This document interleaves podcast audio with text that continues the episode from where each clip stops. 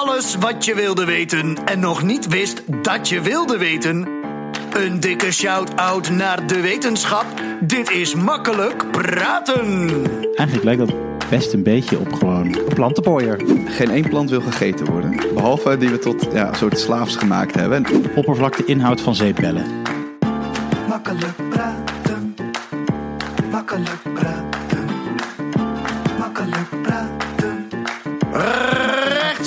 Vanuit de Universiteit van Amsterdam. Dit zijn Sander, Adriaan en.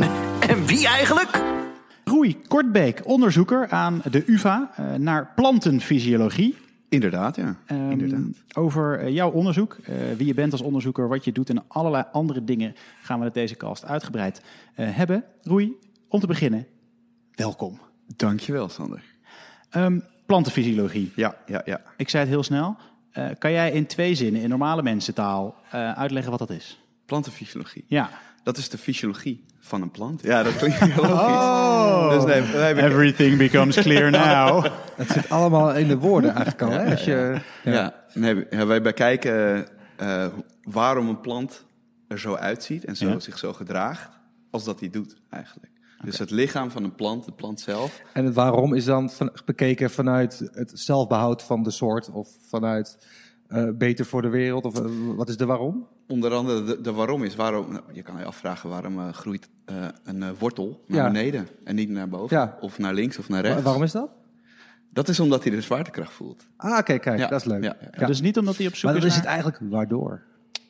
Ja, maar dat is niet omdat hij Daar op zoek zijn is we naar onder eten. andere naar op zoek, ja.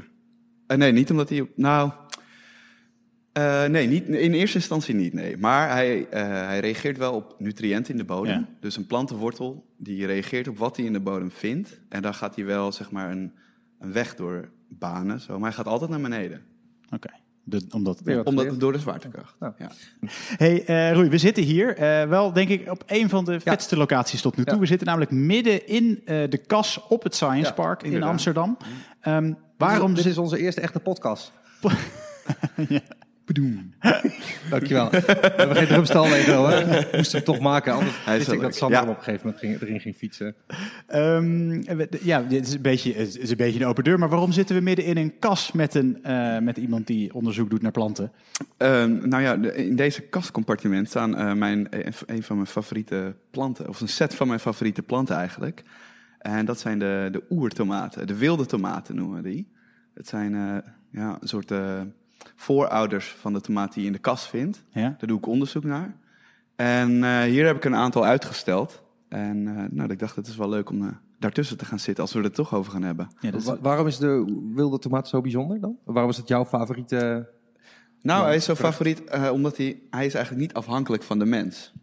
En heel veel planten, voornamelijk gewassen, Ja. die, die zijn afhankelijk van de mens. Als je die, eh, die, die gewoon in het bos neerzet, dan gaan ze dood, of worden ze opgegeten.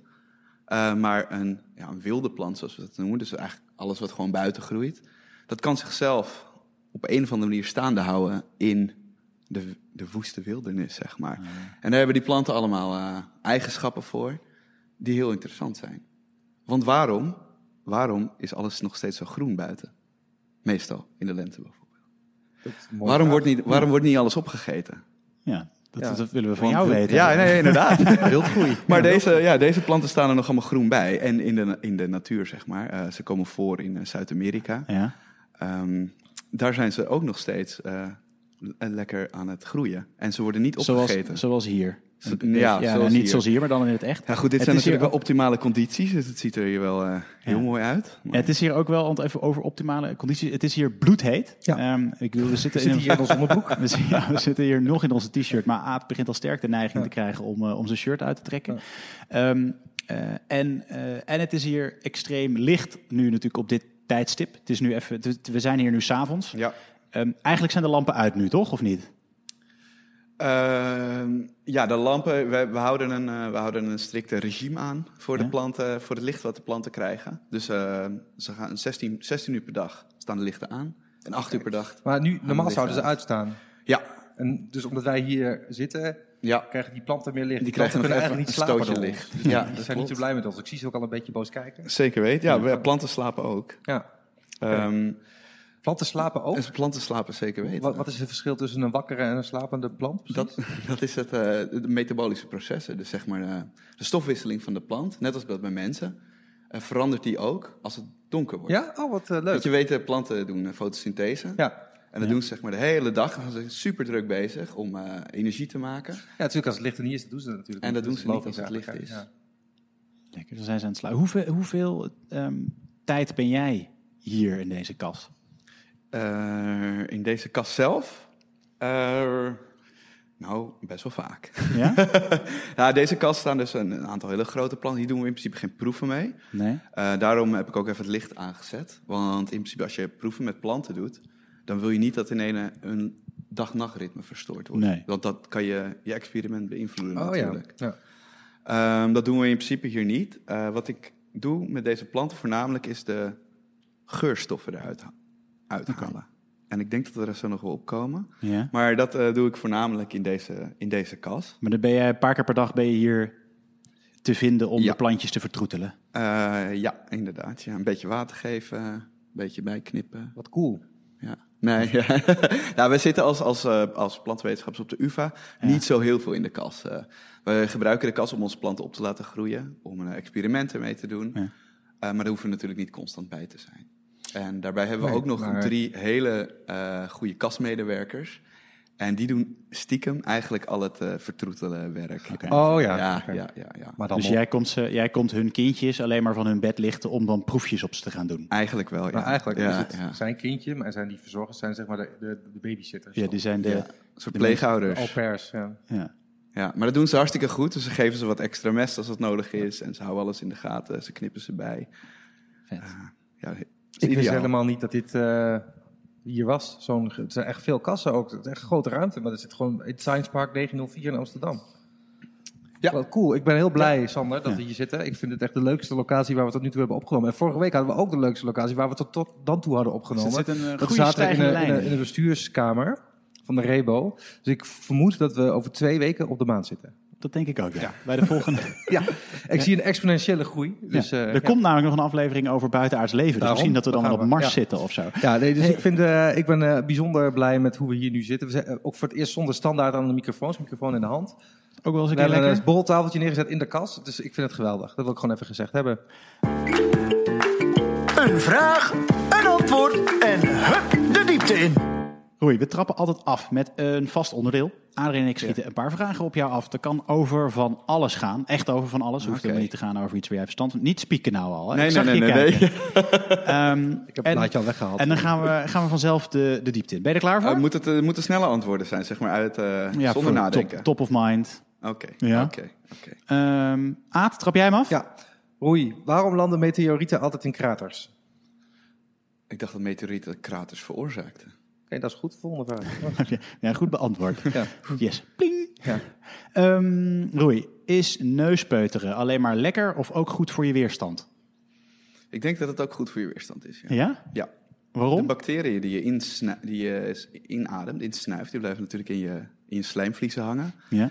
En als je een klein beetje bacteriën binnenkrijgt, is dat is heel goed voor je afweersysteem. Oh ja. Maar dan is, dan is het ook gegeven dan dat je het neus peutert en vervolgens de oogst in je mond stopt. Toch? Ja. Want als je alleen Ja. neus peutert en je gooit het weg, dan heb je, krijg je Ja, ja, je moet het wel opeten. Oh ja, precies. Ja. Ja. mijn veronderstellen. Ik, ik probeer namelijk gewoon een van mijn vieze eigenschappen hier nu wetenschappelijk eh onderbouwd te praten. krijgen. Wat trouwens wel eh, zo is volgens mij, dat heb ik een keer namelijk onderzocht voor een tv-programma waar ik eh, toevallig met Sander voor werkte, is dat neuspeuteren niet gezond is, omdat je je- de bloedvaatjes in je neusvleugels beschadigt. En met alle gevolgen van dien.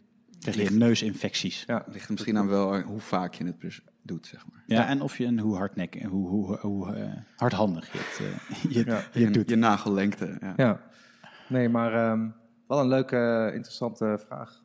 Dankjewel. Ik vind het ook wel fascinerend altijd. Het peuteren van neuzen. Ja, omdat iedereen het toch wel doet op een of andere manier, maar altijd heel stiekem. En als je dan eh, zo kijkt, en dan kijken ze je aan en dan denk je, oh, je zag het? Ja, ja, ik dacht, ja, maar het is oké. Jij Ja. doet het oké, ja. ik- Je hoort erbij. Ja. ja, het is gewoon, het is oké. Een soort van geheime club. maar goed, oké. Waarom kunnen mensen geen fotosynthese doen? Omdat ze geen, eh, geen eh, enzymen ervoor Ja, maar waarom niet? Waarom niet?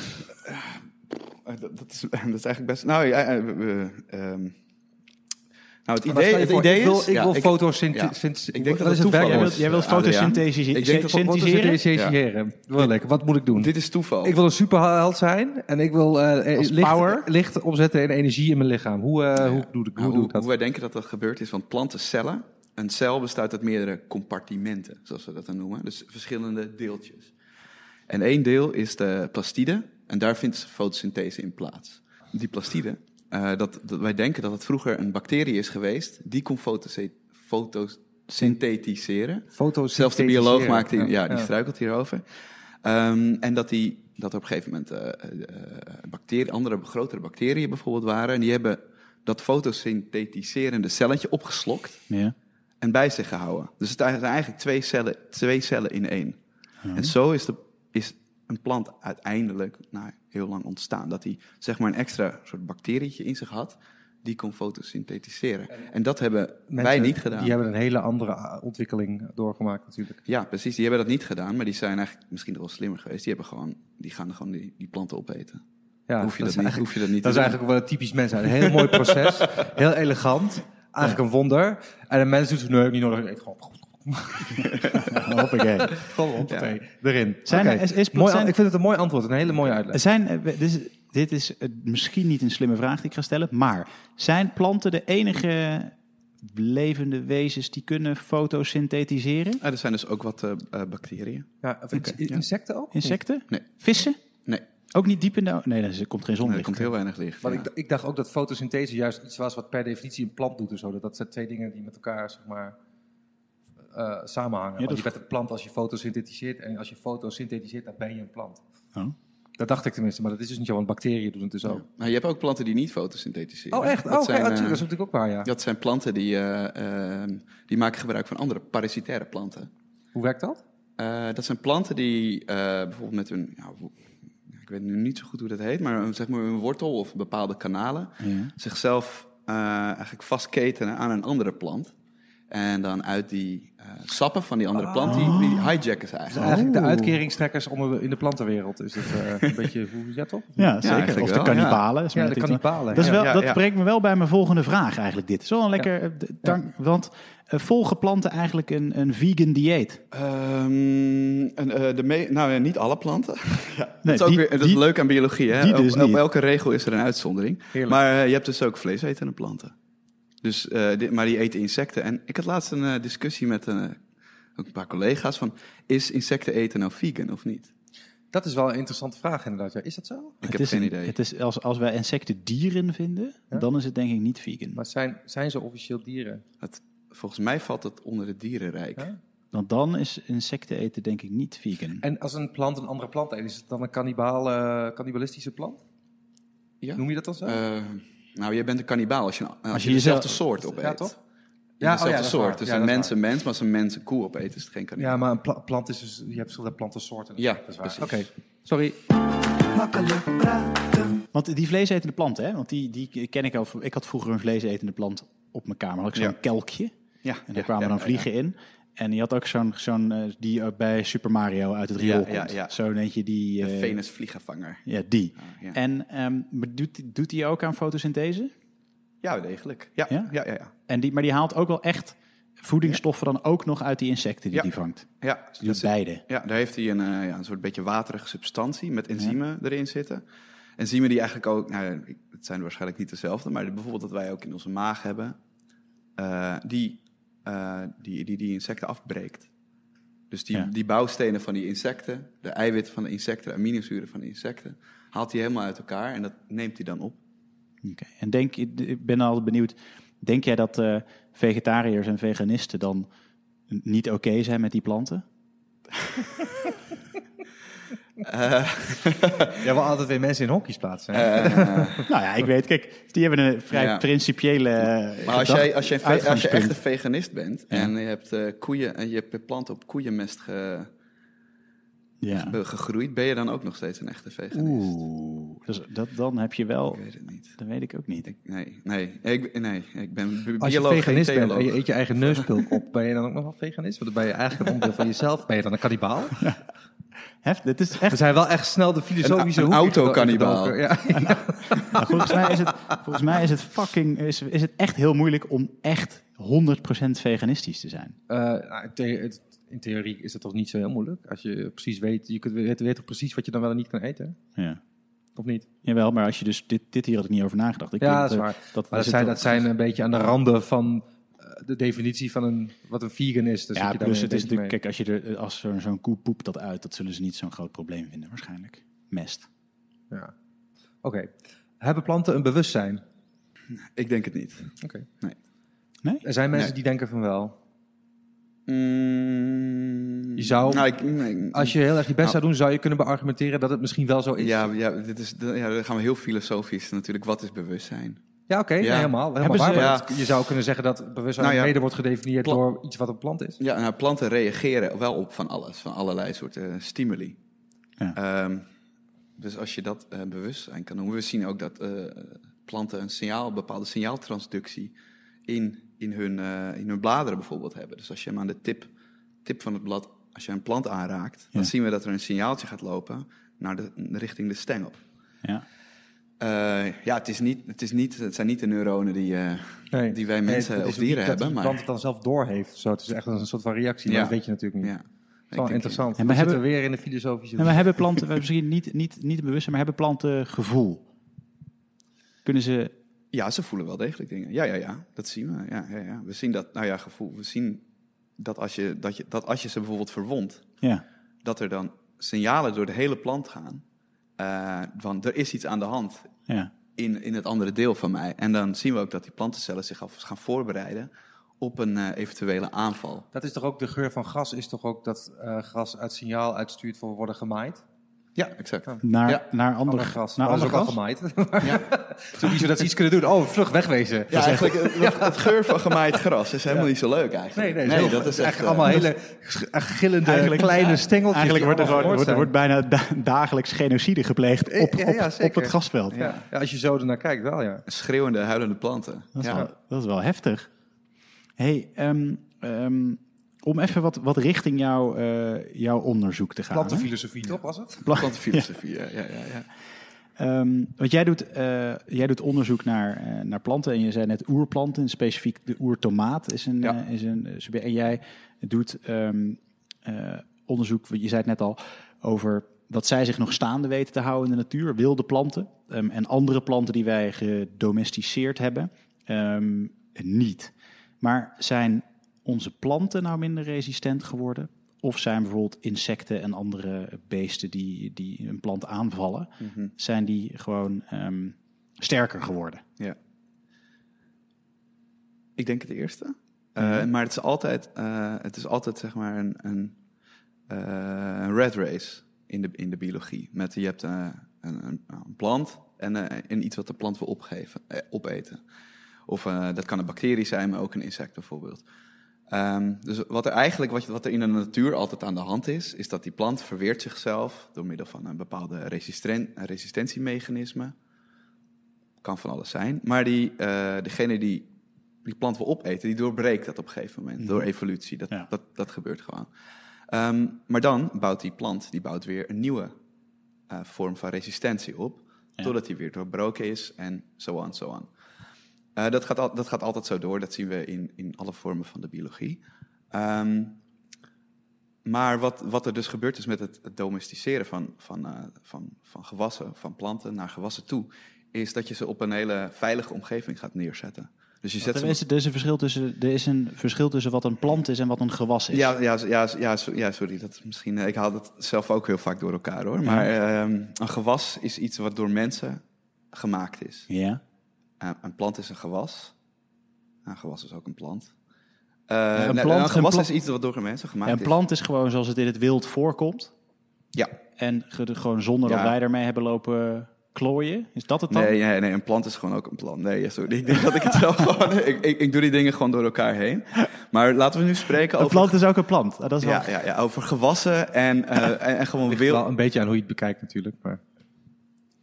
Ja. Een, ka- een ka- kamerplant is ook een plant. Ja, nee, ja, zeker. Eh, Is een gewas, ik dacht dat een gewas, is een gewas dan alleen voor, eh, voor- voor- meer dat het voor consumptie is. Dus dat het, zou dat het zijn? Nou, voedselgewas is voor consumptie, ja. Maar ook, je hebt ook gewassen die... Ik associeer gewassen altijd inderdaad dat het met massa wordt gegroeid. Ja. Dat het echt eh, kolossale velden, dat zijn gewassen voor mijn gevoel. Maar wat dan, en als je dan eentje uit had, dan heb je een plantje. Dat, dat is een beetje wat ik nu in mijn hoofd heb, besef ik. Maar dat Ja, ja goed eigenlijk zijn. een, gewas is, is, is de verzamelnaam van al die planten Ja, precies, ja, je hebt één plant je en een gewas is Ah. net als... is een eh, je hebt rijst en een rijstkorrel. Ah. En gewas is dan rijst en plant is dan rijstkorrel. Heel, eh heel erg goeie. ja, ja, klasse. Ja, sorry, ik haal, ik haal dat dan misschien een beetje door Oké. elkaar. Ehm, maar om even terug te komen. Eh, dus als jij, als jij ehm, eh, eh, planten neerzet in een omgeving waardoor je ze beschermt van de buitenwereld, Ja. dan, op, dan gaan ze op een gegeven moment verliezen ze, eh, verliezen ze hun, hun kracht om zichzelf te kunnen beschermen. Want er is geen, zoals we dat noemen, ehm, eh, eh, druk meer. Geen, geen genetische druk meer. Vraag je? Is, verliest die plant zelf de kracht als een individu, zeg maar, dat niet traint, zijn spierkracht verliest? Of is het dat het dan, als, het, als die plant zich voortplant, dat dan op een gegeven moment door evolutie het zwakker wordt? Door evolutie wordt het inderdaad zwakker. Want het kost, het kost ook heel veel kracht aan de, aan de plant. Dat kan, eh, dat, dat kan, dat kan heel veel van zijn van zijn koolstof, zoals we het te noemen, kosten. Dus Eh, even kijken, Sander. Maar- Nee, nee, ik, nee, ik vind het een goede vraag. Tevens Oh. zijn eh, veel van die resistentiemechanismen Ja. niet altijd, eh, vinden mensen dat niet altijd prettig. Als Ja. eh, een plant bijvoorbeeld, eh, bijvoorbeeld de kolen die we eten, Ja. die zijn nog wel een beetje bitter. Maar het meeste bitter is er wel vanaf. Eh maar is dan eh, net bitter genoeg voor ons om te eten. Maar ook net bitter genoeg dat die insectjes hem wel lekker lusten. Ja. Dat is ook gewoon direct, eh, gewoon de, de smaak is het afweermechanisme eigenlijk. Dat kan. Dat is Misschien is wel ja. afweermechanisme ook voor mensen. Hè? Dat kan Dus bij kool, Ja, was ja, het, dus kool was vroeger veel bitterder om eigenlijk dieren en misschien ook wel mensen een beetje op Ja. een verkeerd spoor te zetten. Ja, ja, ja, die wil liever niet gegeten worden. En- dus die nu- maakt een nu- hele bittere nu stof. ze- nu heb je ze dus gedomesticeerd, zodat ze weer eetbaar worden dan. Precies, precies. Oh, dat vind ik eigenlijk best wel... Ja. Dat wist ik helemaal niet. Dat is echt super, super tof eigenlijk. Want is er, is er een reden waarom bijvoorbeeld een bepaalde plant wel of niet gegeten zou willen worden? Geen één plant wil gegeten worden. Nee? Nee. Behalve die we tot ja, een soort slaafs gemaakt hebben. En dat zijn de gewassen. Ja, want die, wat, wat, wat, wat, ja, wat gewassen doen, wat, wat, die gaan waarom zou een plant niet- Bijvoorbeeld een tomaat. Ja? Een tomatenplant die, eh, die 100 kilo eh, tomaten Ja. aan vruchten eh, constant maar maakt. En ja, ja. dit, dat, heeft, dat heeft verder niet zo heel veel zin per se voor die tomaat. Of, of, of planten die vruchten gaan maken zonder zaden erin. Ja, dat is, geen dat is niet zo handig. Nee. Maar bijvoorbeeld, ik, bijvoorbeeld de tomaten waar ik nu naar kijk, deze oertomaat, ik kan Ja. me voorstellen dat inderdaad misschien de plant niet gegeten wil worden, maar dat de plant wel wil dat ik die tomaat eet, zodat ik die verteer en uitpoep op een ander plekje. Ja, dat, Oh, dus jij, ja, wil ja, eigenlijk, ja, jij denkt precies. eigenlijk van die plant moet zijn eigen zaad promoten. Ja, Eigenlijk, eh, maar ik kan me voorstellen dat een tomaat Ja, lekker smaakt, zeker, ja, zodat, zeker. zodat die zich voortplant. ja, ja, ja. Ja. Ik vind het wel leuk dat we nu alsnog praten of, of die plant ook een wil heeft en zo. Maar ik, ik snap dat het is midden de neiging eh, dat hij zo geprogrammeerd is om dat te doen. Makkelijk praten. Heb jij een, ehm, heb jij een specifieke onderzoeksvraag?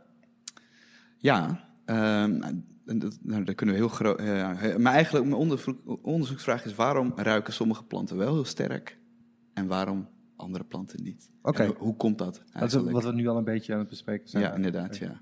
Maar is Ja. dat, en is dat een vraag, hoe komt dat? Of waarom is dat zo?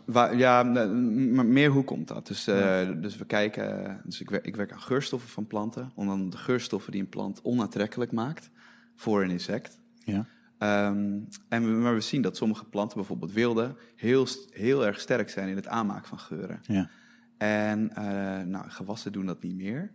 En we kijken nou, waarom doet, die, hoe doet zo'n wilde plant doet dat nog wel? En waarom doet een gewas dat niet? En dan voornamelijk de genen die eronder liggen. Dus Ja. dan kijken we op genetisch eh, niveau. Wat is nou het verschil tussen die twee? En met het uiteindelijke doel, kunnen we zoiets in een wilde plant, kunnen Ja. we dat vertalen naar een gewas? Ja.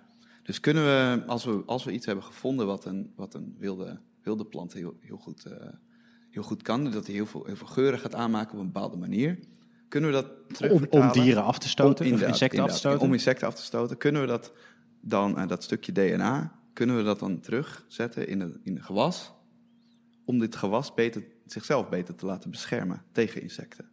En, en waarom Oh, is ja. dat? En waar, waarom zouden we dat doen? Want we hebben op zich prima bestrijdingsmiddelen. Ja, Eh, nou ja, de bestrijding, we- ja, ik denk dat we allemaal, eh, als je een beetje door het nieuws leest, dan zie je af en toe weer, weer eens eh, de ban op bepaalde bestrijdingsmiddelen. Ja, Eh, ja, we hebben een neonicoti- neonicotinoïden eh, gehad. Die zijn nu geband door de, door de EU. Eh, dus die, ja, die, die ban die komt eraan. Dus dan mogen we een, heel populair bestrijdingsmiddel tegen insecten. Ja. Dat ligt het zenuwstelsel plat van eigenlijk alle insecten. en ja, maar goed, dat, ja, dat willen we niet meer met z'n allen. Want we hebben er bijvoorbeeld de bijensterfte. Ehm, Ja, dat is ook wel logisch. Dus, ja. Een beetje uit de hand gelopen dan misschien ook, toch? Het, Ja. is een, ja, het, het werkt eigenlijk te goed. Ja. Veel te goed. En eh, we willen er nu, nu zijn we daar tot, eh, tot een soort inkeer gekomen met z'n allen. En we willen er ook zo snel mogelijk vanaf. Nou, dat betekent dat we als een razende ook een alternatief moeten hebben. Ja. eh, voor die bestrijdingsmiddelen. Want anders, als we niet onze gewassen beschermen, dan worden ze gewoon opgegeten. Er komen plagen op, er komen schimmels op. Dan is er gewoon geen eten meer. Dus er Nee. moet een alternatief komen ja. voor de conventionele pesticiden. Maar hoe moet ik me dat eh, voorstellen hier? Want ik zie hier nu vier he- hele lange plantenbakken staan. Van, ik denk, wat is het, vijf meter lang of zo? Ja, zoiets. Ja, ja, Eh, maar zijn dat dan allemaal, ehm, allemaal, ja, moet ik zeggen, hebben die allemaal net even één tikkie, één variabele anders of zo? Ja. ja, En eh, wat dan? Dat, nou, dat verschilt een beetje. Maar we, wat we bijvoorbeeld doen is bepaalde eigenschappen van die wilde planten eh, kruisen. Dus, we dus als we een bepaalde eigenschap zien in één plant, dan kijken we, oké, kunnen we dat kunnen we die kruisen met een andere plant? En gaat die eigenschap, erft die dan over naar die andere plant? Oh ja. Dus, dus het, nou, kruisingen maken en kijken of een eigenschap overerft. Kijk je dan ook of het dominant of recessief en zo is? Is dat ook een ding? eh, Ja, ja, ja, en daar moet je ook naar kijken. Ja. Ja, ja, ja. En hoe doe je dat dan? Want ik heb daar echt geen enkel idee van hoe je kan, hoe kan je kruisen tussen planten überhaupt? Ja, nou planten die maken pollen aan. Ja. Dat weten heel veel mensen ook die in de, in de lente altijd last krijgen van hun eh, Ja, ik neus. ben, daar, ik ben daar één van. Ja, en eh, die pollen die komen terecht op wat we noemen het stigma. En dat is eigenlijk het, zeg maar het vrouwelijke nu- gedeelte van de plant. je ik hebt nu een knopje ja, ik in heb je nu hand. een knopje in mijn hand. En je ziet daar dat puntje dat er uitsteekt uit het midden. Ja? Ja, het is een groen, het is, even, het is, een, het is, een, het is echt een knopje. Ja, het is, ja. het- je ziet een geel plantje met daar Ja. in het midden een nou, het groen, groen puntje. Ja, en daar komt groot het, is het toch weer, Sander? Vertel me hoe groot het is. Het is ongeveer, eh, nou wat zal het zijn, een halve centimeter? Ja, ik denk het. Nou, daar, komt het pol, daar komen de pollen op. En dan wordt zeg maar, de plant bevrucht en dan krijg je een vruchtje. Nou, wat je kan doen, is eh, je kan voor, net voordat de, de, de, de plant rijp is, dat hij niet zichzelf gaat bestuiven, want dat doen planten soms ook. Ja. Eh, dan haal je ehm, de enters, die haal je weg. Dat, daar zitten de pollen op. Ja. En eh, dan hou je alleen nog het stigma over, dus alleen het vrouwelijke gedeelte. Ja. Nou, dan ga je naar een andere plant, dan haal je daar de pollen vanaf. Ja. En En die- dit doe jij. Dit is, hand, dit is, Ja, dit is handmatig. handmatig wat jij gewoon doet. Ja. Je, hebt, je, pul- je pulkt die dingetjes dan Ja. weg, de Ja, rest. Ja, ja, dan ja. blijft het vrouwelijke gedeelte blijft over. Ja. En haal je het mannelijke gedeelte van, Van een een, andere. andere. plant wat je wil En die hebben. stop je erop. En dat stop je erop en dan komt er een vruchtje. Oh. En dan heb je uit dat, dat zaad is dan... eh, dat zaad uit, uit die vrucht komt, is dan de kruising tussen die twee planten. Wat cool. Dat is eigenlijk, Ja. eigenlijk lijkt dat best een beetje op gewoon... Een plantenpooier. ja, ik dacht, seks, zeg het maar. Seks met Nee, planten. maar heel, heel Ja, cool. ja, ik ja, vind het ja, heel ja, mooi ja. dat je dan, eh, weet je, bent theoretisch bezig, maar je bent ook echt daadwerkelijk gewoon die planten echt zeg maar, bij elkaar aan het brengen en zo. Dat is best wel bijzonder. Makkelijk praten. Nog misschien een hele domme vraag, misschien heb je Ja. dat al gezegd, maar ik ga hem toch even stellen. Eh, want dit zijn wilde planten, toch? Maar ze staan wel in Ja. de kas. Zijn, Ja. zijn ze dan niet alsnog gedomesticeerd? Nee, want domesticatie is een, is een heel lang proces. Is, dat gaat toch over generaties heen? ja, precies. Dus ja. je hebt deze... Oké, nee, Ja. duidelijk. Ja, want het, is toch, het is toch een, voelt toch een beetje Ja, nee, alsof ik je had- een Ja. wilde tijger in huis hebt. Is hij dan wild of niet? Ja, ja, ja, ja. Maar dat was een beetje wat ik, eh, wat ik me afvroeg. Maar oké, Ja. wat leuk. Ontzettend eh, cool. En Ja. dan zit jij hier dus een paar uur per dag of een uur per dag. En daarna ga je... Eh, wat doe je nog verder dan? Want je hebt die data. Vervolgens, want je ziet wat dingen die er gebeuren. Ik weet niet, hoe voer je dat in? Wat doe je daarmee? Nou, eh, wij, ik kijk dus naar de geurstoffen die in de, in de haartjes zitten op de plant. Je ziet die plant, deze plant zijn Ja. ook vrij harig, maar Ja. ehm, heel veel planten hebben dat soort haartjes waar geurstoffen in aangemaakt worden. En eh, wij meten die geurstoffen met eh, speciale apparatuur. Dus we maken een extract bijvoorbeeld van een plant. Dan meten Ja. we de geurstoffen die, die in die haartjes aangemaakt worden. Nou, dan kunnen we, als we willen, genen willen bekijken, die met die aanmaak van die, van die geurstoffen te maken hebben. Eh, dan, wat we dan kunnen doen, is bijvoorbeeld planten manipuleren. Dus dan gaan we die genen aanpassen van die, van die plant. Als we een gen hebben, Ja. we denken, oké, de- dit gen is echt betrokken bij eh aanmaak van een bepaalde stof. Dan kunnen we dat gen bijvoorbeeld uit gaan zetten in een andere plant. Dus Ja. dan maak je een, eh, ja, een, een genetisch gemodificeerde plant, waar dat gen uit in is. En dan ga je van die plant opnieuw geurstoffen meten. Zo probeer je dan een correlatie te maken tussen genen die aanwezig zijn in een plant en geurstoffen die En aangemaakt hoe zet, je, wacht even, maar hoe zet je een gen in godsnaam uit? Ja, nou, dat is, dat is, nou, dat is dus eigenlijk heel veel werk. Eh, het gaat niet zo van Oh, het 1, 2, klonk echt 3. alsof En je gewoon even als- een aan- en uitknopje... Precies, ja. ja, ja, ja. Dus ik zit hier, om- omdat, ja, ik zit hier niet zoveel in de kast, omdat ik vooral in het lab zit. Ja. En ehm, ja, daar hebben we moleculaire technieken voor Ja. om, eh, om, om, eh, om planten ja, te kunnen, aan te kunnen passen eigenlijk. Dus we kunnen genen aanzetten, we kunnen Ja. ze uitzetten. Maar dat is een, eh, een heel lang proces. Stel, we, ehm, we hebben hier een bepaald type tomatenplant. En je weet, ik wil dit, dit stukje eh, Ja. resistentie wat in die Mhm. plant zit, willen we uiteindelijk gaan gebruiken om eh, een nieuw gewas, of in ieder geval het, ge- het tomatengewas wat we hebben, Ja. beter te maken. Of een nieuw tomatengewas Ja. te creëren, wat we dan willen gaan verbouwen. Want dan hoeven we niet meer, hoeven die bepaalde pesticiden niet meer te gebruiken. Even voor mijn begrip, Mhm. hoe lang duurt dat proces? Dus vanaf het moment dat je denkt, dit is wat we moeten hebben en, Ja. en ik wil het aan de boer kunnen geven. Tien jaar. Oké, dat is best wel Ja. lang inderdaad. Ja, dat duurt ongeveer tien jaar. Maar Ja. dat is het hele proces, zeg maar, van, eh, ja, dus van idee tot markt is ongeveer Ja. tien jaar. Oké. Wat zit er nog meer tussen dan? Wat gebeurt er dan? Heel, testen, heel veel onderzoek. Ja, eh, eerst, eerst, eerst heel veel onderzoek. Dan moet je de planten zelf nog maken. En dan moet je ook nog zorgen dat dat stukje eh, resistentie in jou als, als eh, veredelaar zijnde... Dat doen wij natuurlijk niet, wij doen alleen onderzoek. Maar als veredelaar zijnde moet je dat stukje ook nog in zijn perfecte tomaat krijgen. Ja. Dus bijvoorbeeld, ik heb hier, nou, hier dit is een toma- dit, eh, deze wilde tomaat. Die lijkt niet eens op een normale tomaat. Die is ook heel kleverig. Ja, hij is echt heel klein. Het is echt, Ja. echt een beetje, het is gewoon alsof je net een stukje duct tape vastgepakt. Gewoon kleverig. Het is best wel, En, eh, maar Oh ja. het is bizar hè? Ja. Dus zo'n tomaat, die heeft, die heeft wel misschien een resistente eigenschap. Maar Ja. voor de rest, wil, ja, hier, hier komt geen lekkere vrucht aan. Nee. Dus wat een veredelaar moet doen, is die moet alleen dat stukje DNA waar die resistentie op zit, die moet hij in zijn in zijn in zijn tomatenlijn zien Ja. te krijgen. En die moet jij dan zien te isoleren. Ja, wij, wij doen voornamelijk eerst het onderzoek alleen. Dus wij Oké, geven dan advies, zeg maar. Eh daar pub- pub- publiceer je artikelen over. Eh, of je geeft direct advies aan, aan eh, veredelaars. Van nou, dit stukje DNA kan jij goed gebruiken in je programma's... om jouw, eh, Ja. nou in dit geval, tomatenplant sterker te maken. Maar dat, voordat dat stukje gender helemaal... Zo, alleen dat stukje gender in zit, dat duurt, nou ja, dat duurt dan tien jaar. Nou ja, voordat je het echt op de markt hebt met alle, inderdaad, alle testen die Ja. er nog bij komen. Want je, alles moet natuurlijk getest worden. ja. Ehm, ja, dus dat is een heel lang proces. En daarom ja, moet er ook veel en snel onderzoek naar gedaan worden. Naar bijvoorbeeld die, ehm, een andere vorm van resistentie tegen insecten. Omdat het al zo lang duurt om een gewas te maken, te krijgen. Eh, nou, kan je niet op één paard wedden. Exact, ja. En eh, ja, dus, ja, goed, er zijn er nog meer eh, politieke redenen. Bijvoorbeeld het gebruik van genetische modificatie. Ja, want dat, dat, daar zat ik naar zelf inderdaad aan te denken. Is het niet dan een beetje kiezen tussen twee kwaden? Want enerzijds willen we die, die bepaalde pesticiden willen we niet meer gebruiken. Ja. Hè, bepaal- bepaalde gif. Ehm, en anderzijds ben jij bezig met iets waar heel veel mensen heel bang voor zijn. Namelijk eh, genetisch gemodificeerde gewassen creëren. Ja, ja exact. Ik denk, en ik denk zeker dat die eh, vraagtekens die mensen erbij hebben, dat we daar eerst aan moeten werken. Het grote publiek weet eigenlijk niet zo goed wat, we, wat genetische modificatie is. Wat zijn genen überhaupt? Ja. Ehm, en ja, wat is GMO? Is dat nou eng of niet? En waarom zou dat eng zijn? Of waarom is dat niet eng?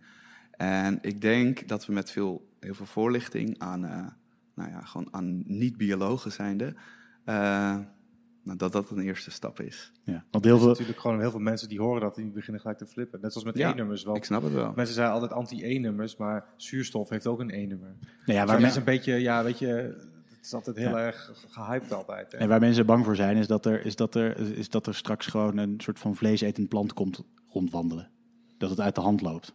Ik weet niet wat Ja, dan uit de hand moet lopen. Maar maar- dat ben ik wel benieuwd, want mensen zijn ook altijd bang voor artificiële intelligentie. Dus we hebben over 100 jaar waarschijnlijk een soort van oorlog tussen voor hypermoderne gemene robots en vleesetende planten, maar ook dan toch wel elektronica-etende planten, weet je wel. Eh, ja, wel- ja, je kunt er overal bang voor zijn, maar als je gewoon jezelf een beetje inleest, dan blijkt dat toch altijd allemaal wel mee te vallen.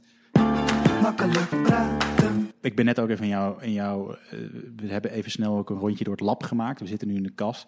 Maar ehm, gebeurt, wat ik ervan kan zien hier nu, in een extreem gecontroleerde omgeving.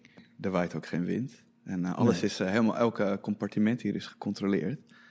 Eh, en dat moet ook voor ons onderzoeken. Want nou, ik doe dan onderzoek aan, aan, die, aan die geurstoffen van planten. Maar als je allemaal invloeden van buitenaf hebt, die dus de conditie van de plant bepalen, dat hij zich wat lekkerder gaat voelen of wat minder lekker. Ja. En als dat invloed heeft op nou ja, aanmaak van geurstoffen, dan ga ik verkeerde conclusies uit mijn experiment trekken. Ja. Dus vandaar dat we in, in, eh, in, deze, in, in, de, in de groeikamers die we boven hebben gezien, maar ook dus hier in de kassen, de, de condities altijd constant proberen te houden. zodat zijn, onze ehm, onderzoekresultaten... Wat zijn condities die je bijvoorbeeld wel constant zou willen houden, maar gewoon niet mogelijk is? Licht.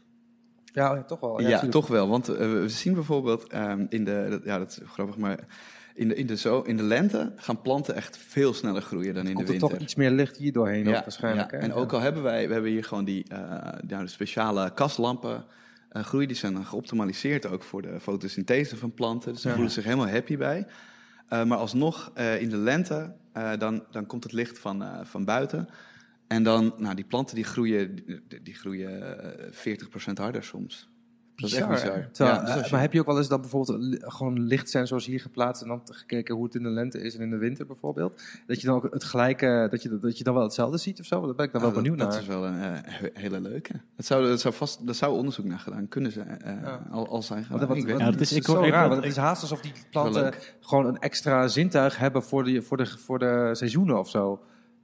Maar het, het schijnt, ik, heb wel eens, ik heb wel eens ooit gehoord dat je überhaupt, zelfs op een bewolkte dag, zeg maar, gewoon een, eh, dus, dus dat je denkt het is helemaal niet echt heel zonnig, dat je dan eh, al eh, in een normale verlichte setting, zeg maar, dus natuurlijk niet eens dit, dit is veel, vele malen beter, maar gewoon normaal binnen in een goed verlicht gebouw, dat je gewoon buiten 2000 keer meer licht Ja.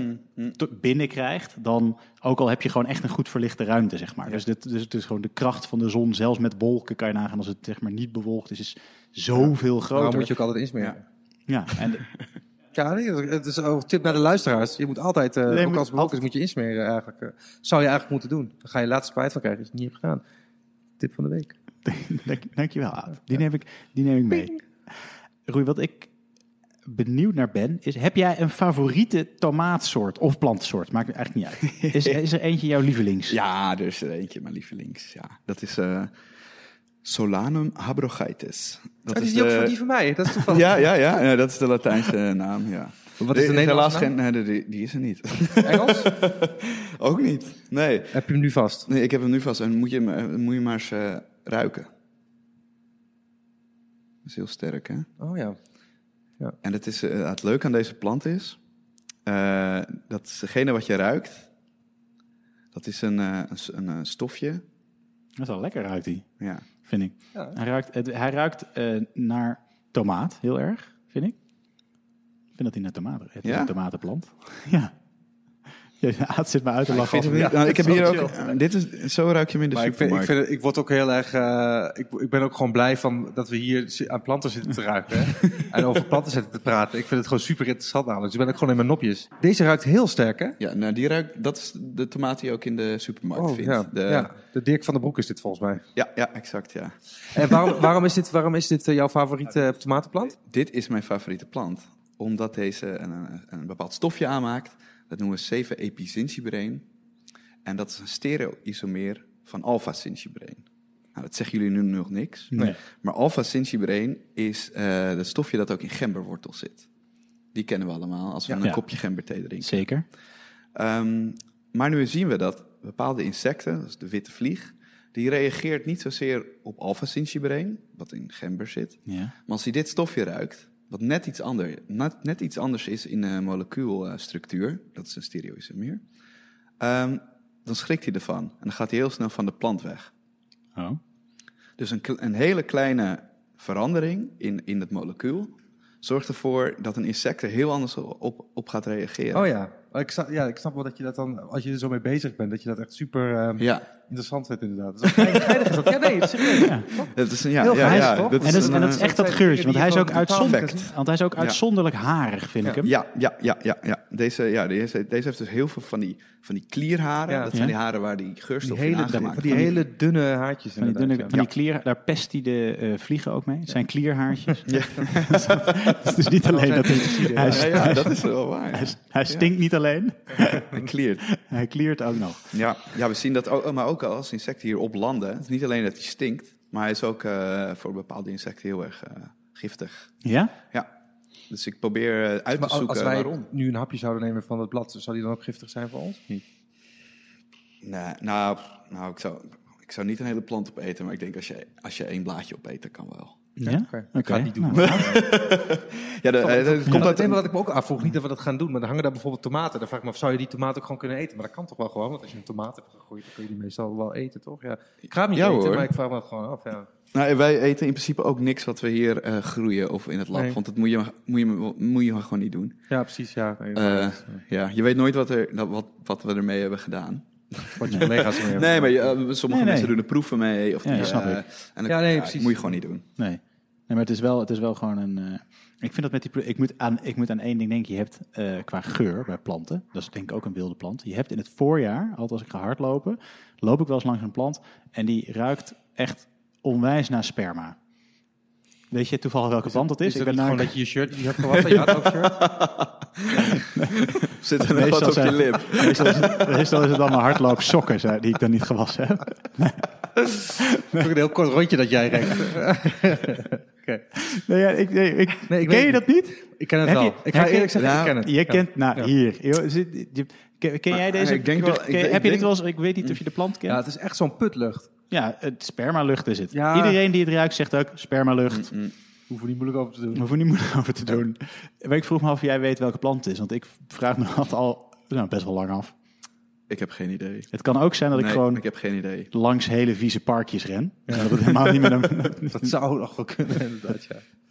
Eh, nee, nee ik, heb, ik, heb geen idee. Maar ja, inderdaad, eh, die, het werkt dan waarschijnlijk in ieder geval voor mensen wel goed. Dat ze niet zo graag bij die plant in de buurt kunnen komen. Nee, ik Want ren er altijd langs. Zeker, Ja, of juist wel. Maar zijn het niet Ja, de is Een bloemen? bepaald type soort mens dat je aan wil trekken als plant. Zijn het niet eh, de bloemen die je ruikt of is het de plant? Want sommige bloemen die stinken ook heel erg om, om bijvoorbeeld vliegen. eh, Ja, ik heb het gevoel dat het een grote struik is. Maar als ik, als ik er weer een keer, als het weer in het voorjaar is en ik spot hem weer, Ja, dan eh, zet hem even op Insta. trouwens Ja, wel- zet ik hem even op Insta, vraag, me wel ik- iets af. Want bloemen ruiken heel lekker, daarom willen we ze plukken. Maar waarom ruiken ze dan zo lekker? Want ze weten dan dat het toch nadelig is voor hun om lekker te ruiken. Want die zijn dus ook gewoon, eh, zeg maar, echt ge, ge- ge- gefokt, of hoe noem je dat, geteeld. Ja, Met de meeste wel. Ja. ja, maar bloemen willen ook graag bestoven worden door insecten. Ehm, Dus, die- dus, het, dat is ook, dus het gaat eigenlijk vooral om dat ze, dat ze insecten aantrekken. En dat ze dan worden geplukt is eigenlijk, ja, jammer, maar zo so be it. Nou, je wil bepaalde insecten wil je wel aantrekken. Dus je wilt die insecten die zorgen voor je bestuiving, Ja. die wil je graag naar je bloem trekken. En we weten ook dat, dat insecten specifiek op die geur van die bloem Maar afkomen. insecten vinden dus dezelfde geuren lekker als dat mensen vinden. Dan. Nou, die, ja, de, ja, oké, ja, de bloemen, inderdaad. De meeste bloemen zijn wel eh, ook gedomesticeerd. Jawel, Eh, ja, ja, oké. dus die Wel geur is waarschijnlijk hoor. wel een beetje Ik aangepast. heb Ik, ben geen nooit over expert in nagedacht. Ik vind het echt super interessant eigenlijk. Want het is natuurlijk, Ja. je ziet elke dag zie je, eh, weet ik hoeveel planten. Maar ik heb nog nooit echt Ja. nagedacht over hoe dat eigenlijk allemaal zit. Die hele dynamiek van plant, natuur, insect en zo. Echt superleuk. Makkelijk praten. We hadden het net al over hoe je resultaten krijgt. En dus, dan heb je gewoon data, neem ik aan. Hoe, wat Ja. doe je daar vervolgens mee? Gewoon door een calculator heen trekken of zo? Eh? Nou, we hebben bijvoorbeeld data ehm, die we aan bepaalde eh, eigenschappen van de plant willen eh, correleren. Eh, bijvoorbeeld dus als ik... Statistische software gebruik je dan? Ja, precies. Ja. Dus als wij, als wij niveaus van stoffen meten in een plant en we doen eh, insecttoetsen erop, dan kijken we of we een correlatie kunnen, kunnen vinden tussen die niveau van het stofje Ja. en bijvoorbeeld of een insect er Ja. graag op gaat zitten. Oh, dat is heel logisch eigenlijk. Ja. dus je, dat soort statistische toetsen doen we dan. Oké. En- En heb jij, zeg maar, we hadden net over je onderzoeksvraag. Heb heb je, je zit een beetje aan het einde van je, Ja. van je promotietraject, als ik het goed begrijp. heb, heb je ook al een beetje een antwoord geformuleerd? Of is, het zo ruim, is de vraag zo ruim gesteld dat het, dat het antwoord ook redelijk ruim is? We proberen eigenlijk nu Ja. een primeur uit je te trekken. Ja, ja, ja, ja. ja. Morgen op de nou, Telegraaf, pam. Ja. nee, we, gaan, ja, ik, we, we zijn een heel eind gekomen. Dus eh, ehm, een van mijn eh, onderzoeks... Ja, dus een van mijn onderzoeksvragen is waarom sommige planten heel sterk ruiken en andere niet. En kunnen we dat overplaatsen? Die sterk ruikende eh, eigenschappen kunnen we die overplaatsen Ja. naar niet sterk ruiken? Dat blijkt dus heel moeilijk te zijn. En ehm, er, zijn, nou ja, er zijn andere redenen voor. Dus ehm, e- een van de uitkomsten van mijn onderzoek, dat is dat je meer nodig hebt dan alleen degene die ervoor zorgen dat die een geurstofje aanmaken. Wat heb je dan nog meer nodig? Nou, je kan denken aan transport van die geurstoffen in een cel. Ehm, Ja, oh een ja. cel die maakt, een, die maakt dat stofje aan, maar dat Ja. moet ook naar buiten gaan. Dat moet ergens heen. Daar heb je weer andere eiwitten voor nodig, die dat stofje oppakken en naar de buitenkant van de cel Het is brengen. eigenlijk alsof je een Mercedes motor in een Subaru probeert te zetten. Dan wordt het nog geen Mercedes van. Je Precies. moet ook de banden hebben en het logo en de, mooie bekleding, lekker leer en eh, dat soort dingen. Ja, dus we zijn nu aan het kijken naar, en dat het einde van, eh, aan het einde van mijn PhD, ehm, welke transportmechanismen daar dan een rol in kunnen spelen. Zodat we toch, toch een plant kunnen maken die van niks toch wel heel veel gaat ruiken. Dus dat is waar je nu nog, eh, dat probeer je nu nog te onderzoeken. Ja, dat is de, dat de is misschien ook meer een vervolg, eh, vervolgonderzoek, toch? Ja, we, we hebben de puzzel nog niet helemaal opgelost. Wil je hier maar verder? we zijn er mee bezig. Ja, ja ik wil graag. Ja? Nou, niet per se met dit onderwerp. Maar wel met planten. Uh, en, wel eh, graag een platte biologie. dat, dat vermoeden had Ja. ik al. Ja, ja, ik vind het heel leuk. Ja. En, ik heb eh, niemand die zo eh, gepassioneerd kan praten over planten. En mijn moeder was vroeger bloemist. En zelfs die eh praatte er niet zo leuk. gepassioneerd over. Dus dat is wel leuk om te zien, toch? Zeker. Wat ik vet vind hier aan is dat als, je te- als dit straks gaat lukken, als je nu in de auto zit en je rijdt langs een boer, dan ruikt het er heel vaak naar mest. Ruik je zo voep, dat komt dan zo je auto in en dan maakt altijd iemand het grapje, "Hey, wie heeft scheet gelaten? Bij jouw vrienden ook, ja? Ja, ja, ja. En, eh, ja zeker. en mijn vrouw ook. Weet je, dat is een universeel grapje. En, maar straks zou het dan zo kunnen zijn dat we er straks langs een snelweg gaan rijden en dat je, dat je dan zo'n enorme, nou, sterke tomatenlucht of iets anders, dat we dat, omdat het natuurlijk dan wel echt grootschalig verbouwd gaat worden, dat we een hele andere geurexplosie langs trekt. Ja, dat, dat, zou, dat zou heel goed kunnen. Als het aan mij ligt wel, ja. Cool. Vet. Vind ik heel nice. hey, eh, Roei, staat je hele huis vol planten? Nee, maar wel vol opgezette dieren. Voor opgezette dieren? Ja, ja, ja. Oh, oké. Kijk, dat is leuk Ja. om te weten. Dat kunnen we Ik heb, ik heb geen één plant in mijn huis. Je hebt geen één pla- is, Nee. dat, is dat een beetje eh, vanwege dat je al genoeg planten op je werk Ja, exact, ja. En eh, ja, ik hoef geen plant meer te zien als ik thuis Nee, kom. dat kan ik wel Nee. inkomen. Maar opgezette dieren dan? Dat is ook Ja. wel meteen Hoe, Ja. noem dat- hoe noem je dat ook alweer? Daar is een naam voor. Taxi- Taxonomie. Taxonomie. Ja, en ik ben er zelf ook mee begonnen. Ehm, ja, Wat voor ja. dieren dan? En muizen. Allemaal, Muizen. Vooral muizen. Vo- voornamelijk muizen. Ja. Ehm, ratten ook. En ik heb nog een cavia in mijn vriezer. Heb je een cavia in je Ik heb een vriezer? cavia in mijn vriezer.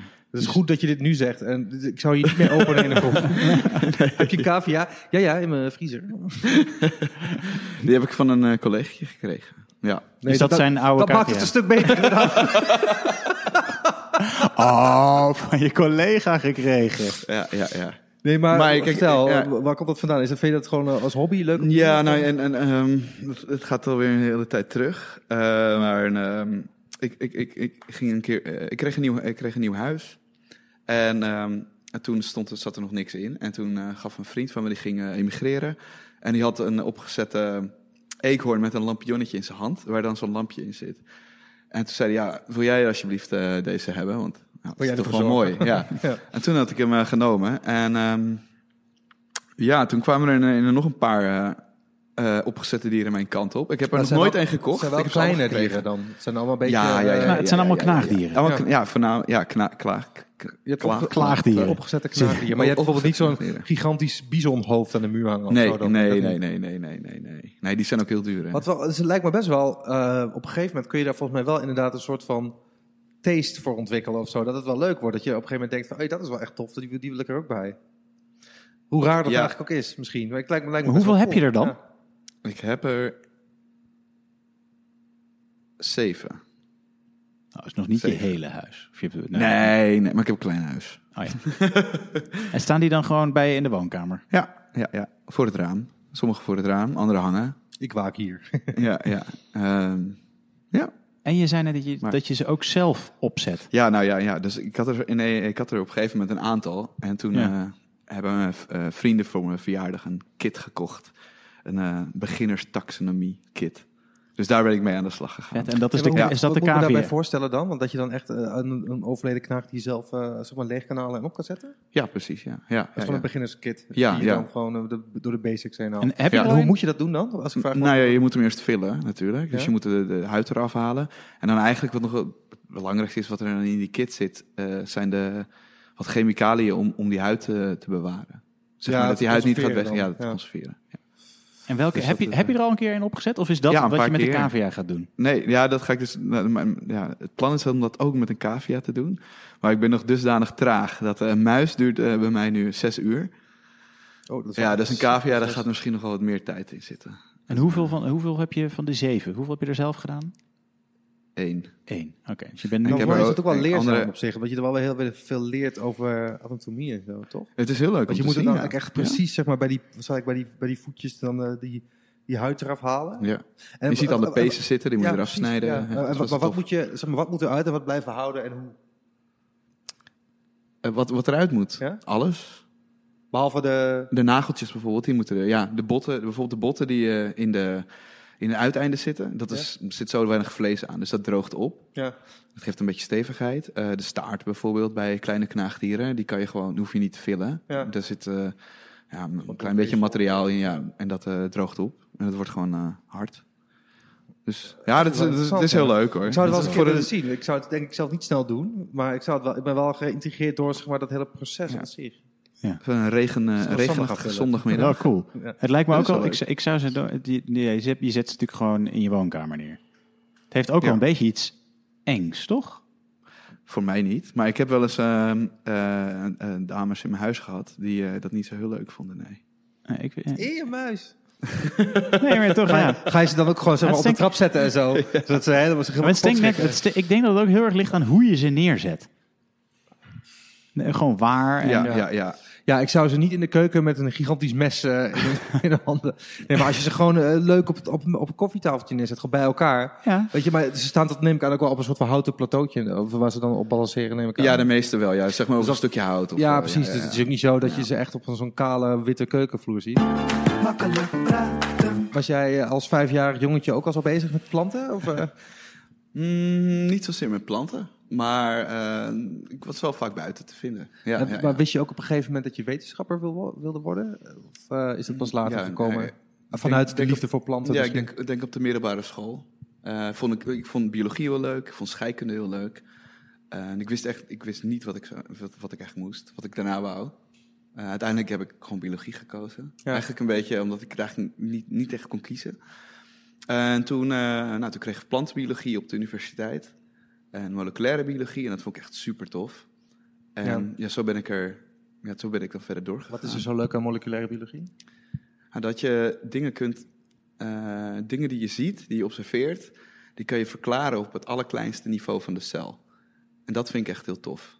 En je kan het eventueel ook aanpassen. Je kan Dat, er is- iets dat, is, mee doen. dat lijkt me zo. Dat vind ik zo Ja, bizar. dat Dat je aan kan passen. Ja. Dat kan ik nog steeds niet helemaal eh, met mijn hoofd eh, bijkomen. Dat je gewoon dat- op dat niveau gewoon aan dingen kan sleutelen. Ja, Vind ik echt eh, heel. eh, ja dat is het gave eraan. Dus Ja. met, de, met het DNA, daar kunnen, we, daar kunnen we van alles mee. Daar kunnen we aanpassingjes maken. En, Ja. eh, en dat, dat vind ik heel gaaf. Maar het is zo bizar dat Ja. je iets wat gewoon, wat wij allemaal in principe kunnen zien, dat je, daarmee, dat je daar Ja. eigenlijk gewoon tot de, echt letterlijk, tot de kern doordringt, zeg maar. Ja. Ja. Dat ja. Wel echt heel Maar dat had je vroeger dus ook op biologie. Als je zeg maar microscopen moest je dan dingen mee doen. En dan zag je ook al die cellen en zo bewegen. Dat was eigenlijk wel heel raar en bijzonder, toch? Dat vond ik, vond ik altijd wel heel tof, ja. Waar heb jij nooit biologie gehad? Ja, ik heb zeker biologie gehad. ik heb het ook laten vallen, omdat ik Ah, het, oké. omdat ik het- Microscoop of biologie? de, de microscoop. En daarna moest ik verplicht, biologie laten vallen. Oké, dan gaan we door naar het volgende onderdeel. De faculteit van huistuin- en keukenwetenschappen. Hoi, we zijn aangekomen bij het onderdeel de faculteit van huistuin- en keukenwetenschappen. Daarin gaan we met onze luisteraars op zoek naar momenten waarop zij dachten... yes, ik ben wetenschappelijk bezig.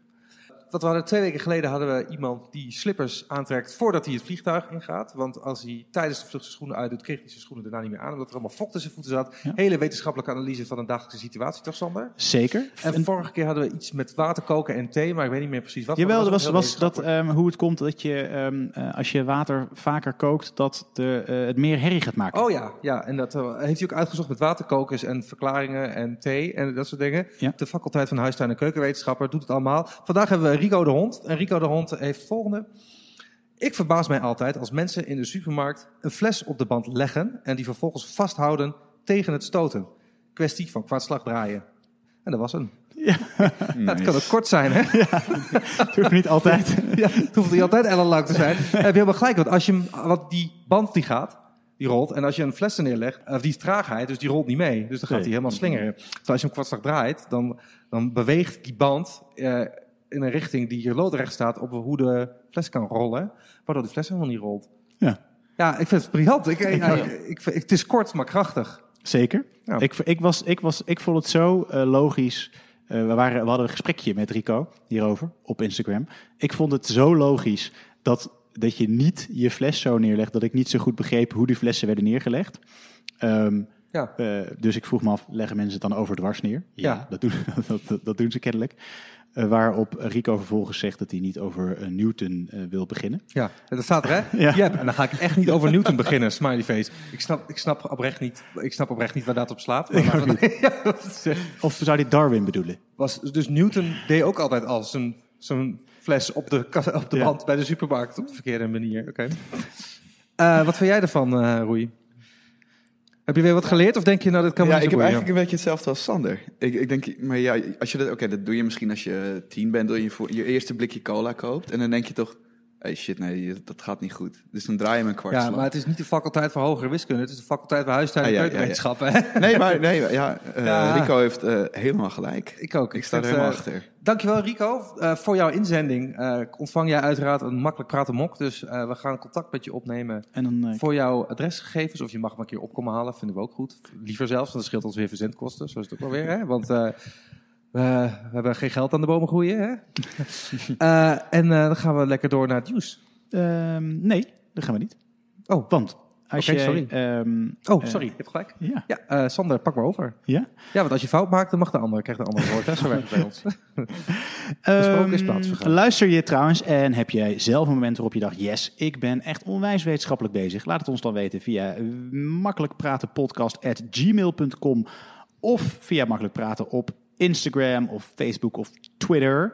En dan kom jij misschien wel de volgende keer in eh, de faculteit van Huistuin en Keukenwetenschappen... en maak jij ook kans op de fantastische eh, Makkelijk Praten mok. Dus eh, hopelijk zit je in de volgende aflevering. Ja, dus eh, laat ons vooral die leuke verhalen weten. En dat kan van alles zijn, hè? Ja, mag alles zijn. Ja. Zelfgebouwde onderzeeër. Kan allemaal. Doe maar op. Dan gaan we nu wel naar het nieuws? Of Zeker, we gaan naar het nieuws. The Easy Talking Science Journal. Roei, we hebben het gehad over jouw, eh, jouw onderzoek en eh, over oertomaatjes en resistentie en hoe dat werkt en waarom dat eh, nuttig voor ons is en, eh, en, en, en al dat soort dingen. Ehm, maar er gebeurt toch natuurlijk nog een hele hoop anders dan jouw onderzoek. Inderdaad, gelukkig wel. Ja, gelukkig. Dat ik vond scheelt het heel wel, hè? fijn dat je zei, er gebeurt natuurlijk nog een hele hoop. En je wilde zei andere dingen, maar Ja. je had gebeurd al. Dat was enkel fout. Ja. Dus je, je had je persoonsvorm eigenlijk verknald. En dan wist je toen aan het einde van de zin nog even te corrigeren. Ik ben echt onder de indruk dat Ja, je dit... dankjewel, eh, dankjewel. Want je zei het wel vol overtuigelijk anders. En het klopte gewoon. Ik, Ja. ik ben, eh, ik, ik- dat Nou wilde ik ja, even je, zeggen. Je maakt ook, in principe maak je ook een podcastserie met een professional. Ja, precies. ja. Ja, ik vind ook gewoon credit where credit is due, toch? Oké, Ja, zeker. Dankjewel. maar sorry, ga verder. Ja, nee, en daarom bespreken wij eh, in The Easy Talking Science Journal iedere aflevering een paar andere science nieuwtjes ehm, waarvan we het leuk vinden dat dat ook onderzocht wordt. Ehm, en jij hebt er ook eentje meegenomen. Zullen we gewoon met Ja. die van jou beginnen? Eh, laten we dat doen. Ja, ja ik heb een, eh, een nieuwtje meegenomen van, eh, van een, een, een, eh, professor wiskunde, mevrouw Oelenbeck, Karen Oelenbeck. Ja? En zij is de eerste... eh, Dat is een Nederlandse of een Vlaming. Oh god, ik Of denk, iemand uit ik, Zuid-Afrika kan ik ook. denk dat het een Duitse is. Dat- maar dat weet ik niet helemaal zeker. Ik weet het Doet er helemaal niet toe, misschien. Nee. Maar wat ik wel weet is dat, hij, dat zij de eerste vrouw is die in de wiskunde een grote eh, prestigieuze prijs heeft gewonnen. Oh, Ja. cool. En die heeft ze deze week gewonnen, de Abelprijs. En die heeft zij gewonnen eh, voor haar werk aan minimale oppervlakte. En eh, minimale oppervlakte, dat zijn nou ja, oppervlakten die minimaal, zo minimaal zijn, maar wel met een zo groot mogelijke inhoud. Een zo groot mogelijk volume. Bijvoorbeeld zeebellen. Dus daar Ja. is ze ook beroemd mee. Haar onderzoek aan zeebellen en de oppervlakte van een zeebel. Dat is toch altijd hetzelfde? Want ze zijn gewoon bollen, toch? Nou ja, het, het, is, het schijnt dus zo te zijn, ja, ik ben ook geen eh, wiskundige, maar eh, dat dus een zeebel de perfecte inhoud-oppervlakte eh, ratio heeft. Dus de oppervlakte is minimaal, terwijl de inhoud van die zeebel Ja. zo groot mogelijk dat- is. ja nee, maar dat, komt- dat komt dus omdat het een, bol, een perfecte bol is. Dan Ja, heb je- en- exact, En, exact. en die een zeepbel, die structuur, die zoekt dat inderdaad op. Ja. Ja, dat klopt. Dan heb je de meest stevige vorm die zichzelf in Ja. stand houdt. Ja. Dat is met een eh, bol. Ja. Ja. Dat kun je wiskundig aantonen. Ja, ik ben Nou ja, zij, ja nou, zij zoeken dus naar, eh, naar, naar mathematische modellen om, om, dat, te, om dat te, denk ik te voorspellen. Ja. Ehm, nou, dat vond ik wel heel interessant, vooral omdat het de eerste eh, vrouwelijke wiskundige is die zo'n grote prijs was toch ook een hele grote wiskundeprijs. Maar dat is volgens mij eens in de vier jaar, als ik me niet vergis. Weet ik niet. Maar wel echt eh, tof nieuws inderdaad. Hè? Het is ook wel bizar dat dat- het voor het eerst een ja. vrouw is. Want vrouwen zijn volgens mij beter in wiskunde dan mannen. Is dat zo? Oh. Oh, geestig. En, dat, en, dat, en ik vind het vet dat, dat ze het gewoon eh, heeft gevonden voor het onderzoek doen naar ja, gewoon Zeepbellen. zeepsop. Naar zeepsop. Maar wat, even, Ja. wat, wat doet zij? Want zij, wa- zij is dus dag, in ieder geval een groot gedeelte van haar tijd bezig met het berekenen van de verhouding oppervlakte-inhoud van zeepbellen. Nee, van andere vormen. En dus je, zou, je, je kunt ook misschien, dat neem ik aan, Ja, ik, ik, ja, ik heb ja. niet heel erg verdiept bij in andere meerdimensionale ruimtes, dat je dan gaat kijken, Exact. wat is de verhouding tussen eh, het, het volume en het eh, Ah. oppervlak. Maar in dat geval, kijk, oppervlak is tweedimensionaal, volume is driedimensionaal. Dat je gaat kijken naar wat is de verhouding tussen driedimensionaal en vierdimensionaal. eh, dat soort Ja. dingen. Maar sowieso zijn, er zijn, is oppervlakte en ook omtrek is altijd een heel interessant ding. Want bijvoorbeeld, als je kijkt naar hoe, eh, hoe lang is een kustlijn? Dat kun je helemaal niet meten. Nee. Omdat het verandert steeds. Ja, omdat het zeg maar, omdat je, wat meet je dan? Leg je Ja. er gewoon een lat naast? Of als er dan zeg maar een hoekje zit in het zand, neem je dat dan mee? Weet je, of neem je die ene zandkorrel mee? Of neem je de moleculen mee? En zo kun je eigenlijk een oneindig lange kustlijn krijgen. Dus, eigenlijk, dus dat, dat soort dingen, eh, om maar te illustreren, het is Ja. dingen meten die heel obvious lijken, kan, kan soms heel erg interessant Complex worden. zijn. Eh, Wiskundig heel erg aantrekkelijk zijn. Geestig. Ja. En, wat, en, dan ben ik altijd benieuwd, is er- wat is die, hier de praktische Ja, toepassing je, moet van? niet, je moet niet zoveel denken in praktische Nee, toepassingen. ja, maar dat denk ik dus wel, Adriaan. Oh, oh. Omdat ik gewoon, ik ben gewoon benieuwd wat je, of je er dan iets mee kan verder nog. Ja, vierkante zeepbellen blazen. nee, nee, ja, ik- Nou, ik kan me voorstellen als jij eh, nanostructuren wil maken, bijvoorbeeld voor hele kleine chips, Ja. dat je daar een zo groot mogelijke oppervlakte in zo'n klein mogelijk eh volumetje wil stoppen. Nee, en wat, je bijvoorbeeld ook, wat ik me ook kan voorstellen, als je bijvoorbeeld kijkt naar wortel min 1, dat is iets, eh, gewoon een imaginair getal. Dat is iets wat niet in de echte wereld bestaat, maar kan toch worden gebruikt bij allerlei wiskundige problemen. Ja. Om eh, die, die vervolgens weer in de echte wereld van toepassing zijn. ja. Nee, ja, maar dat- Dus, dus dit zou misschien ook zoiets kunnen zijn van, het is misschien dan wel niet, als je in heel veel dimensies gaat kijken, heel erg relevant op het eerste gezicht. Maar misschien Nee. in een later stadium wel. Ja, maar ik, maar wel, ik ben gewoon dan altijd met name benieuwd. Misschien is het namelijk wel en weet ik het gewoon niet. En zie je het inderdaad gewoon gebruiken dagelijks, zoals in nanochips. Makkelijk praten. Aad, wat heb jij meegenomen deze week? Ik dacht dat het naar, naar jou ging eerst. Dat staat in de tekst eruit, namelijk zo dat jij eerst bent. Oh jee. Ben je nu van je apropos? Nee, ik doe wel, joh. nee, eh, heb jij het idee dat naarmate je ouder wordt, dat de tijd sneller gaat? Ja, dat heb ik echt. Waarom denk je dat het is? Ehm, ik denk ehm, dat het. Ik heb eigenlijk geen idee waarom het is. Ik denk dat. Nou, ik dat, dacht nou, ik altijd denk- dat het ik- was... Oh, eh, ik ga gewoon... eh, Ga- ga. Ik, Ja, ga. erin. Ik dacht erin. altijd dat het was omdat je, als je bijvoorbeeld, stel je bent 10 en je bent- wordt dan 11, dan is er een jaar gepasseerd, dat was 10% van je leven. Terwijl als je, e- ene, of je bent 30 en je wordt 31, dan is een jaar is nog, wat is het, 3,3%. Ja. Toch? Of, ja. Dus dat, dat, een jaar wordt gewoon relatief steeds korter. Ja, dus de tijd ik- gaat sneller. Ja, ik, ik denk dat het komt. Want ik heb er nu even, twee, de, terwijl jij dat zei, even over nagedacht. Ik denk dat het komt misschien omdat je gewoon, als je klein bent, gewoon überhaupt geen echt goed besef hebt van wat tijd is. Dus dat je gewoon, dat, nu snappen we heel goed, dit is een dag, dit is een uur, weet je, dit is een week. En, en heb je, kan je het Ja, ook relateren aan dingen die... Je bijvoorbeeld 18 was of zo, had je toch, ging de tijd ook minder snel. Ja, maar de- ja, dat is waar. Maar dan, dan zou het had je toen nog niet eh idee, wist je toen nog niet wat een week Nee, was? nee, nee. Was het, Nee, daarom, week geleerd. daarom heb ik ook zes jaar over mijn studie gedaan. Ik had geen enkel, idee, geen enkel idee van... Hoezo? Ik loopt woord nominaal. Twee vakken afgerond. Nee, en, maar ik denk, ik denk ook dat je. eh, maar en, en ik heb nog een verklaring waarom het nu zo zou kunnen zijn. Omdat er meer dingen zijn ehm, eh, die, belangrijker, die ik belangrijker vind. Dus bijvoorbeeld, ik heb nu twee kinderen. Ehm, en eh, dat vind ik gewoon heel belangrijk. Daar wil ik heel veel bij zijn. En dan denk je van, dan heb je een soort van gevoel van dat er te weinig, dat, dat je minder Dat er tijd, tijd hebt. is. Ja. Dat zou kunnen. Ja, dat vind ik wel een mooi, mooi antwoord. Persoonlijk antwoord ook. Maar het is onzin. Volgens de wetenschap. ja. Nee, het gaat erom dat je eh, de manier waarop je als kind eh, dingen leert, eh, ervaringen eh, registreert. En Ja. hoe je hersenen met elkaar in, of hoe jouw, de, alle delen van je hersenen met elkaar in verband staan. Dat, dat heeft allemaal te maken met hoe je mentale, ja, hoe noem je dat? Mentale beelden vormt over je Ja. leven en dat soort dingen. En naarmate je ouder wordt, veroudert dat systeem en die dynamiek en die stoffen, dat gaat allemaal een stuk langzamer. En omdat het langzamer gaat, duurt het veel langer voordat jij bepaalde dingen eigen maakt. En, daar, en omdat, je- omdat dat zo is, doe je het ook veel minder. En daardoor lijkt het allemaal veel sneller te gaan. Omdat je veel minder indruk, eigenlijk krijg je veel minder indrukken omdat je hersenen het niet meer aankunnen. Ja, Dus het even. leven, als je het leven eigenlijk uitdrukt in de hoeveelheid indrukken en de hoeveelheid ervaringen. En die, die ervaringen worden gewoon steeds minder en langzamer geregistreerd. Doordat je hersenen op een bepaalde manier in elkaar zitten. Maar ze zijn ook niet allemaal nieuw meer natuurlijk. Want als je ouder wordt, heb je alles wel een keertje op een gegeven moment meegemaakt Ook, en dat, gedaan. dat, dat, heeft, En dan, eh, dat zou er ook nog ja. mee te maken kunnen hebben. Ja. Dat staat hier, dit eh, onderzoeken niet.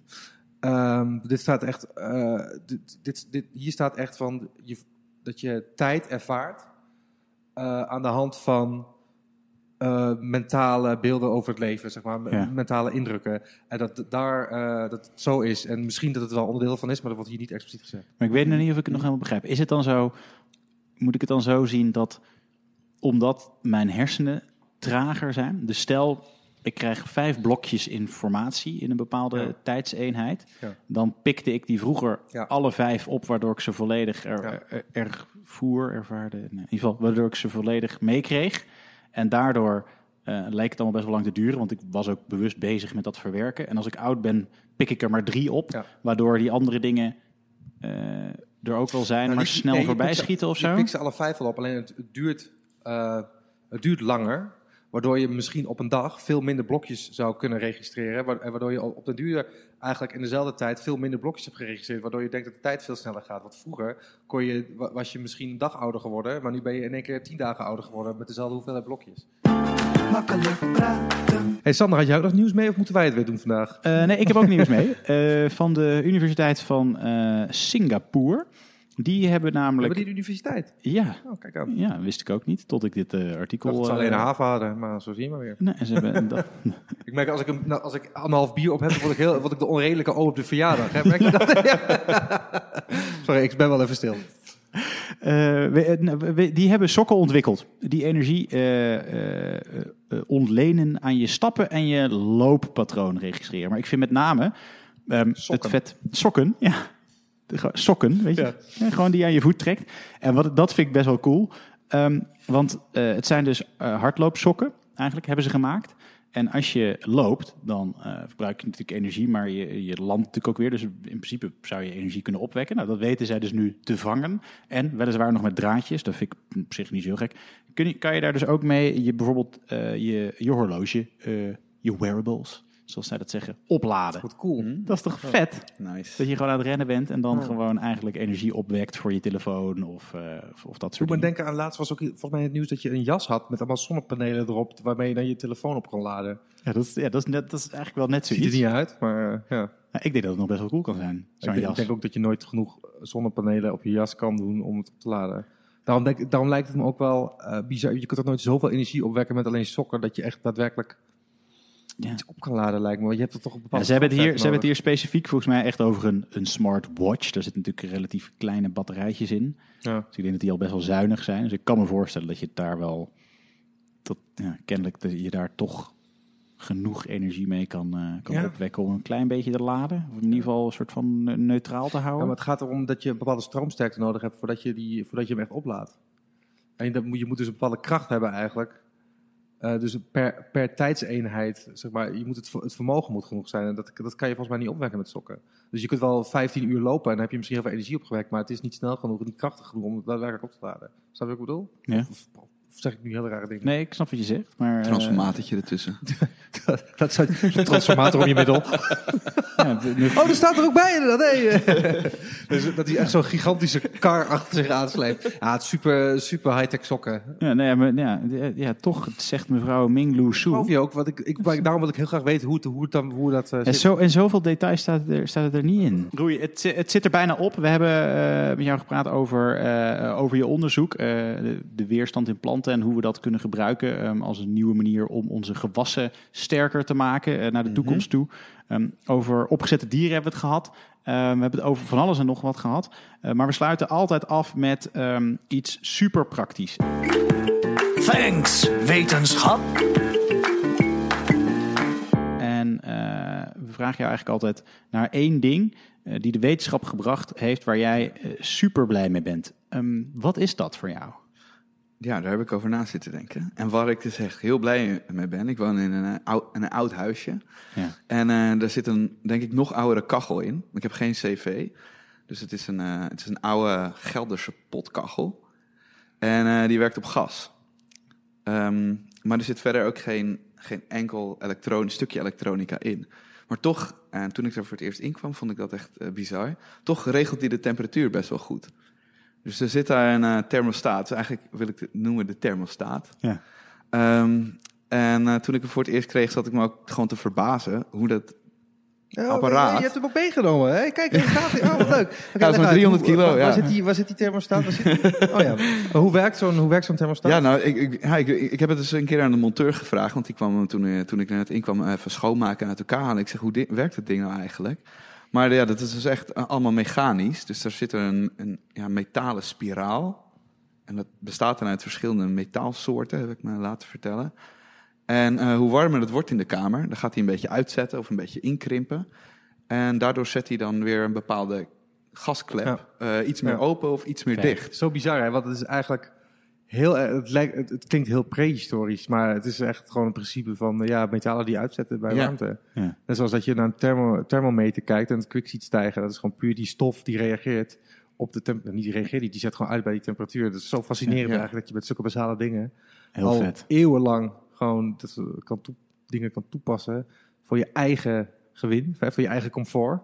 Ja, heel cool. Ja. Ja, ik vind het heel vet. Je hebt de eerste week dat je er woonde, ben jij gewoon, gewoon voor die kachel gaan zitten. Eh, ja, nou ja, toen moest het huis nog een beetje opwarmen, want het stond een tijdje leeg. Eh, maar het- ik kwam er eigenlijk ook pas later achter hoe je de, hoe je de, de, de, eh, de waakvlam eh, aan moet blijven houden. Want het werkt eigenlijk een beetje op hetzelfde principe. Want om dus, als je je gas uitgaat, ehm, dan wil je dat er een waakvlam blijft, Ja. blijft eh, branden. Want op het moment dat die gaskraan weer open gaat, dan moet die waakvlam moet, die, moet die gaskachel Ja. aanzetten. Maar als die waakvlam uitgaat, dan blijf je maar natuurlijk gas je kamer in, eh, in eh, blazen. En dat wil je niet. Dus wat zit er nou in die waakvlam? Er zit ook een, gewoon een metalen pinnetje eigenlijk. En dat metalen pinnetje moet ook een bepaalde temperatuur hebben. Oftewel, die waakvlam moet er de hele tijd op staan te branden. Dus mocht die waakvlam uitgaan, dan wordt dat pinnetje, het metalen pinnetje wordt koud.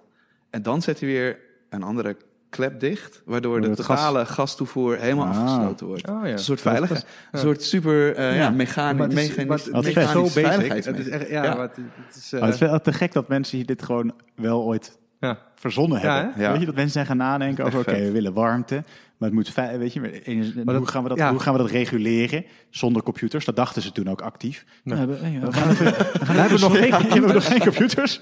hoe gaan we dit dan gewoon mechanisch Ja, oplossen we nu? hebben al wat computers, maar we kunnen er niet programmeren. Nee. en dacht, maar vervolgens denken ze dan, ah ja, dat is wel relaxed, dit werkt wel. Maar ja, we willen niet doodgaan aan, aan, een, aan een gasvergiftiging. Dus Ja. gaan we daar iets voor verzinnen. Ja, Echt wel heel cool. ik vind, ja, ik vind het heel vet. Ja, ik ook. Dankjewel, eh Roei. Ik vond het een heel Graag leuk gedaan. gesprek. Ik ook. Ik ook. Dankjewel. Uh, daarmee zijn we aan het einde gekomen van eh, deze aflevering van eh, Makkelijk Praten. Ehm, thanks. Super veel dank dat je, eh, dat je onze gast wilde zijn. En ook bedankt voor de toffe setting. Ja, Dat we hier in de kas mochten zitten. Ja. Echt, een- echt een extra dimensie is het toch wel. Je zit ja echt, echt te in. gek.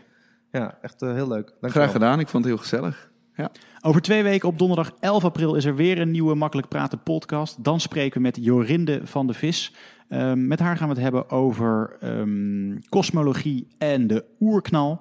Uh, en zij is onderzoeker aan het NICHEF. En NICHEF staat voor, Adriaan? Nationaal Instituut voor Subatomaire Fysica. En dan vraag je je natuurlijk af, NICHEF, dat is helemaal niet die afkorting, maar dat komt omdat het eerst was Nationaal Instituut voor Kern- en Hogere Energiefysica. Maar ze hebben op een gegeven moment de naam veranderd, maar de afkorting behouden, zodat je niet al je e-mailadressen ook hoeft te veranderen. Super slim van ze. Uh, tot die tijd volg ons op Spotify uh, en iTunes of uh, je andere favoriete podcast app. En natuurlijk op de socials, namelijk op Instagram, Twitter en Facebook. En WhatsApp. En WhatsApp. Dan geven we nu Adriaans persoonlijke nummer. Ja, volg mij. volg me op straat. En dan eindigen Deel mijn locatie. Even live locaties. Heel, het kan ook eng gaan worden voor mensen. Ja, dat vind ik leuk. Vind ik leuk. Um, en we eindigen zoals altijd met een uh, shout-out en een dank aan uh, de partners die deze podcast mogelijk maken. En dat is natuurlijk deze keer in de eerste plaats de Universiteit van Amsterdam, maar ook de Universiteit Utrecht, Wageningen University and Research en het NICHEF. Um, tot over twee weken. En uh, Roei, heel erg bedankt. Ja. En tot over twee weken. Doei. Doei. Je mag ook doei zeggen. Doei. Gaat ook zingen. Zie je wel die singer-songwriter is? Helemaal top. Met zijn rockbed.